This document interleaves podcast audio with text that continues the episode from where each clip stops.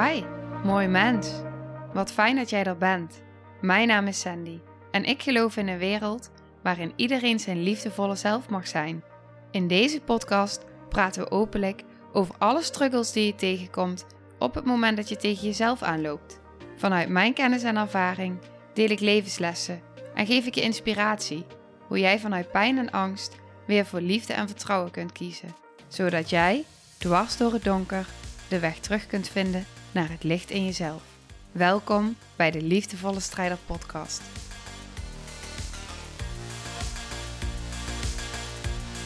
Hey, hallo. Kijk even naar de audio. Ja, dat gaat goed. Hier gaat het ook goed. Hey, hallo.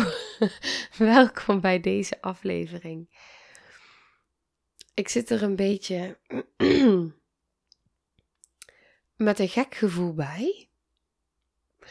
En het is wel grappig. Ik vind het zelf heel erg grappig. Want er is iets in mij wat zei: zet de podcast aan. Oké. En wat is het onderwerp dan? Vroeg ik in mezelf. Geen idee. Oké. Dus, ik ga een aflevering opnemen met je en ik heb geen idee waarover. Wat ik wel met je kan delen is dat ik zojuist een interview uh, heb opgenomen, of ik ben eigenlijk geïnterviewd door Rowie, Rowie Muradin. En nou, misschien als deze aflevering online komt, is ook even afhankelijk wanneer zij hem graag wil plaatsen. Dus moeten we nog even afstemmen. Misschien is die aflevering al online gekomen of komt die na deze online. Maar dat gesprek, dat zette nogal wat in gang. Überhaupt voordat we al met het gesprek begonnen. Want ik wist dat het zomaar zou kunnen dat we het gingen hebben over een stukje narcisme, emotioneel onbeschikbare, onbereikbare ouders. Ehm, en iets in mij vond dat heel erg spannend. Ehm, niet wetende welke vragen gaan er gesteld worden. Ik wist ook van, nou, het gaat ook over een stukje mijn ervaring als kind. Dus ik vond het ook spannend van, oh, ehm, wat doet dat dan van binnen als ik dingen ga delen? is het oké? Gaat het te snel voor iets in mij? En tijdens het gesprek voelde ik dat alles in mij verzachtte. En um, ja, dat er steeds meer ontspanning van binnen in mijn zenuwstelsel en in mijn lijf voelbaar was. En dat het, zegt nou iets in mij, gelukkig uh, niet zo diep in, inging op het stukje narcisme. Um, waar iets in mij heel graag over wil delen, maar heel veel in mij ook um, dat nog heel kwetsbaar vindt. En voor sommige delen in mij echt nog wel te kwetsbaar is. En wat ik dus besefte, nu besef ik dit, nu ik dit met je deel. Ik weet niet of je dit herkent en ik denk dat dit een mooi thema is voor deze aflevering. Herken je het wel eens dat jij in gesprek bent met iemand en dat je misschien net iets meer open was in dat gesprek, net iets kwetsbaarder was. Dat je iets hebt gedeeld waarbij je van binnen voelt van, oh, maar er komt van binnen een soort van terugslag. vaak komt die achteraf. Ik weet niet of je dat herkent. Ik herken dat namelijk heel erg, dat hoe kwetsbaarder het is, en of dat nu is dat ik hier op de podcast deel, of dat ik in een uh, sessie zit, of met een goede vriendin die dicht bij me staat en heel veel kwetsbare delen van mij ontmoet. Um, op het moment dat ik dan zo kwetsbaar ben en echt in verbinding ben met hele jonge delen, dan eh, kan het zijn dat er daarna een soort van terugslag komt. Dat er andere delen eigenlijk een soort van, tussen haakjes, ik vergroot hem even uit, bijna in paniek raken van, oh mijn god, oh mijn god, oh mijn god, wat heb jij gedeeld?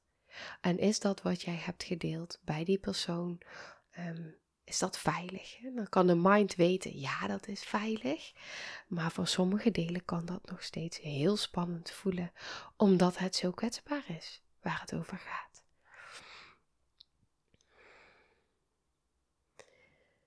wat ik vaak zeg ook op het moment dat ik dus zelf uh, de therapeut ben en of in die rol zit. Ik ben mezelf nog steeds, maar dat iemand anders dus iets kwetsbaar deelt. En um, dan, dan zeg ik ook altijd van, ik weet dat je het misschien wel weet. En toch voel ik dat ik nog wil benoemen dat het veilig is wat je deelt. En dat er geen verwachtingen zijn. Ook geen oordelen.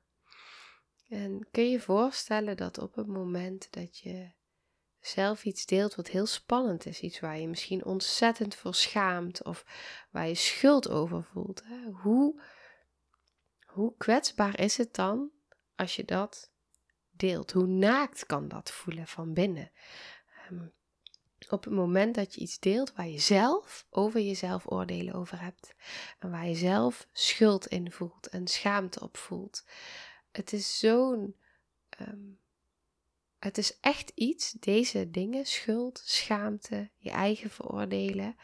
Het zijn. Ehm, het, is, het gaat zo diep en is zo pijnlijk om te voelen dat het maakt dat het ook kan betekenen dat het ons weerhoudt om te kunnen helen. Omdat het zo pijnlijk is om daar naartoe te bewegen. En waar ik achter ben gekomen in de afgelopen jaren, is dat als het gaat over dingen als uh, schaamte en schuldgevoelens, ik noemde het net ook in de podcast bij Roy, waarin ik zei van, uh, ik had zo de overtuiging als kind, ik ben fout. Ik ben het niet waard. Het is allemaal mijn schuld en ik ben waardeloos. En um, nou, er schiet nu iets voor. Dat voel ik bij mezelf.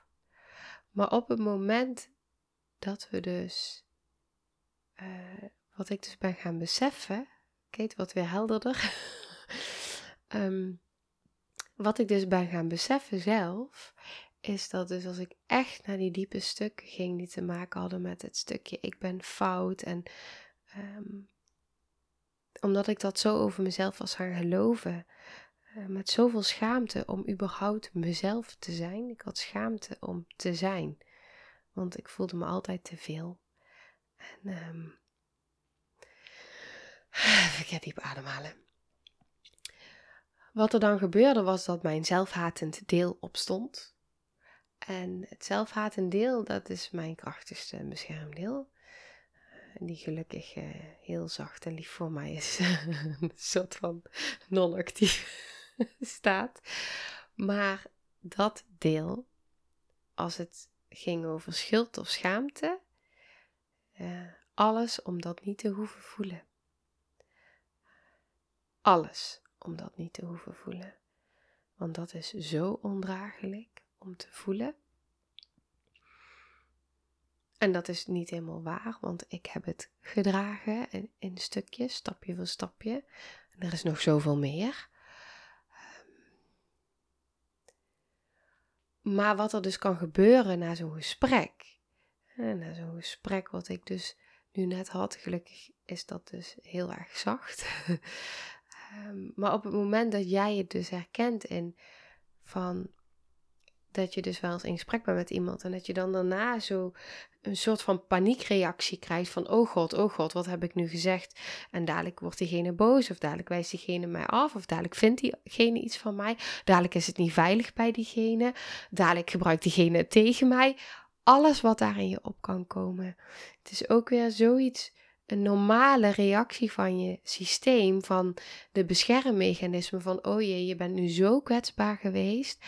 En Ehm, wat nu als diegene uh, daarin de aanval op jou opent? Of wat nou als diegene jou daardoor in de steek laat? En eigenlijk die hele diepe doodsangsten je werkelijkheid worden. En, um, wat ik vaak ook tegen mensen daarin zeg, en dat kan heel erg helpend zijn voor jezelf. Want um, ik kan zeggen tegen jou nu en ik kan zeggen tegen die ander van het is veilig en het is oké. Eh, en dat doet iets. Dat is natuurlijk heel fijn, want op het moment dat je dat hoort en voelt, dan stelt dat iets gerust. Maar uiteindelijk zit het echte, het echte wat echt belangrijk is, zit hem erin in kun jij op dat moment uh, jezelf gaan geruststellen. Dus eigenlijk jezelf laten weten eh, van oké, ik voel nu dat dit heel kwetsbaar was en um, dat het heel spannend is wat ik zojuist heb gedeeld. En ik merk ook dat er dus veel geraakt wordt. En wat heb ik nu nodig om mezelf daarin gerust te kunnen stellen? Het doet me denken aan wat ik uh, een, een paar podcasten geleden deelde. Naar aanleiding van een mailtje wat ik kreeg van een deelnemer uit het traject. Waarin hij op een gegeven moment zei. En nu voel ik dat ik het erbij wil pakken, dus dan ga ik dat ook even doen. Want ik vond die nog belangrijk en die kwam later nog bij mij door. Waarin hij op een gegeven moment zei. Er is een deel in mij dat zegt dat ik jou niet alsmaar mag lastigvallen met mijn vragen, dat jij wel wat beters te doen hebt. Dat was de zin. Ik kreeg trouwens ook van meerdere mensen berichtjes hoeveel herkenning er was vanuit deze aflevering, ook in wat diegene mij mailde.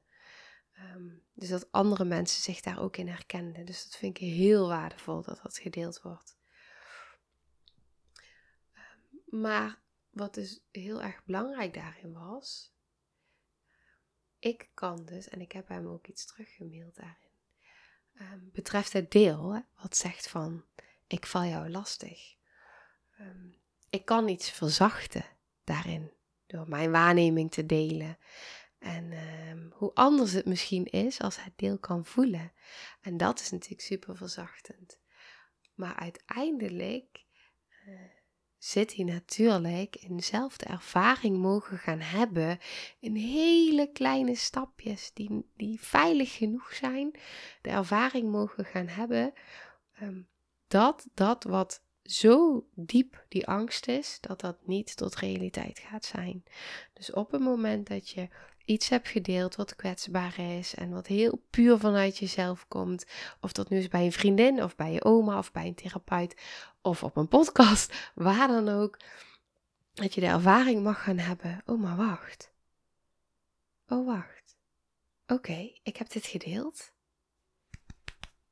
Ik ben hier. Ik leef nog steeds. en het is heel erg spannend en dat mag er helemaal zijn. Ehm, maar ik heb wel recht gegeven aan iets in mij wat heel kwetsbaar is. En het is logisch en heel begrijpelijk dat dat een reactie teweeg brengt.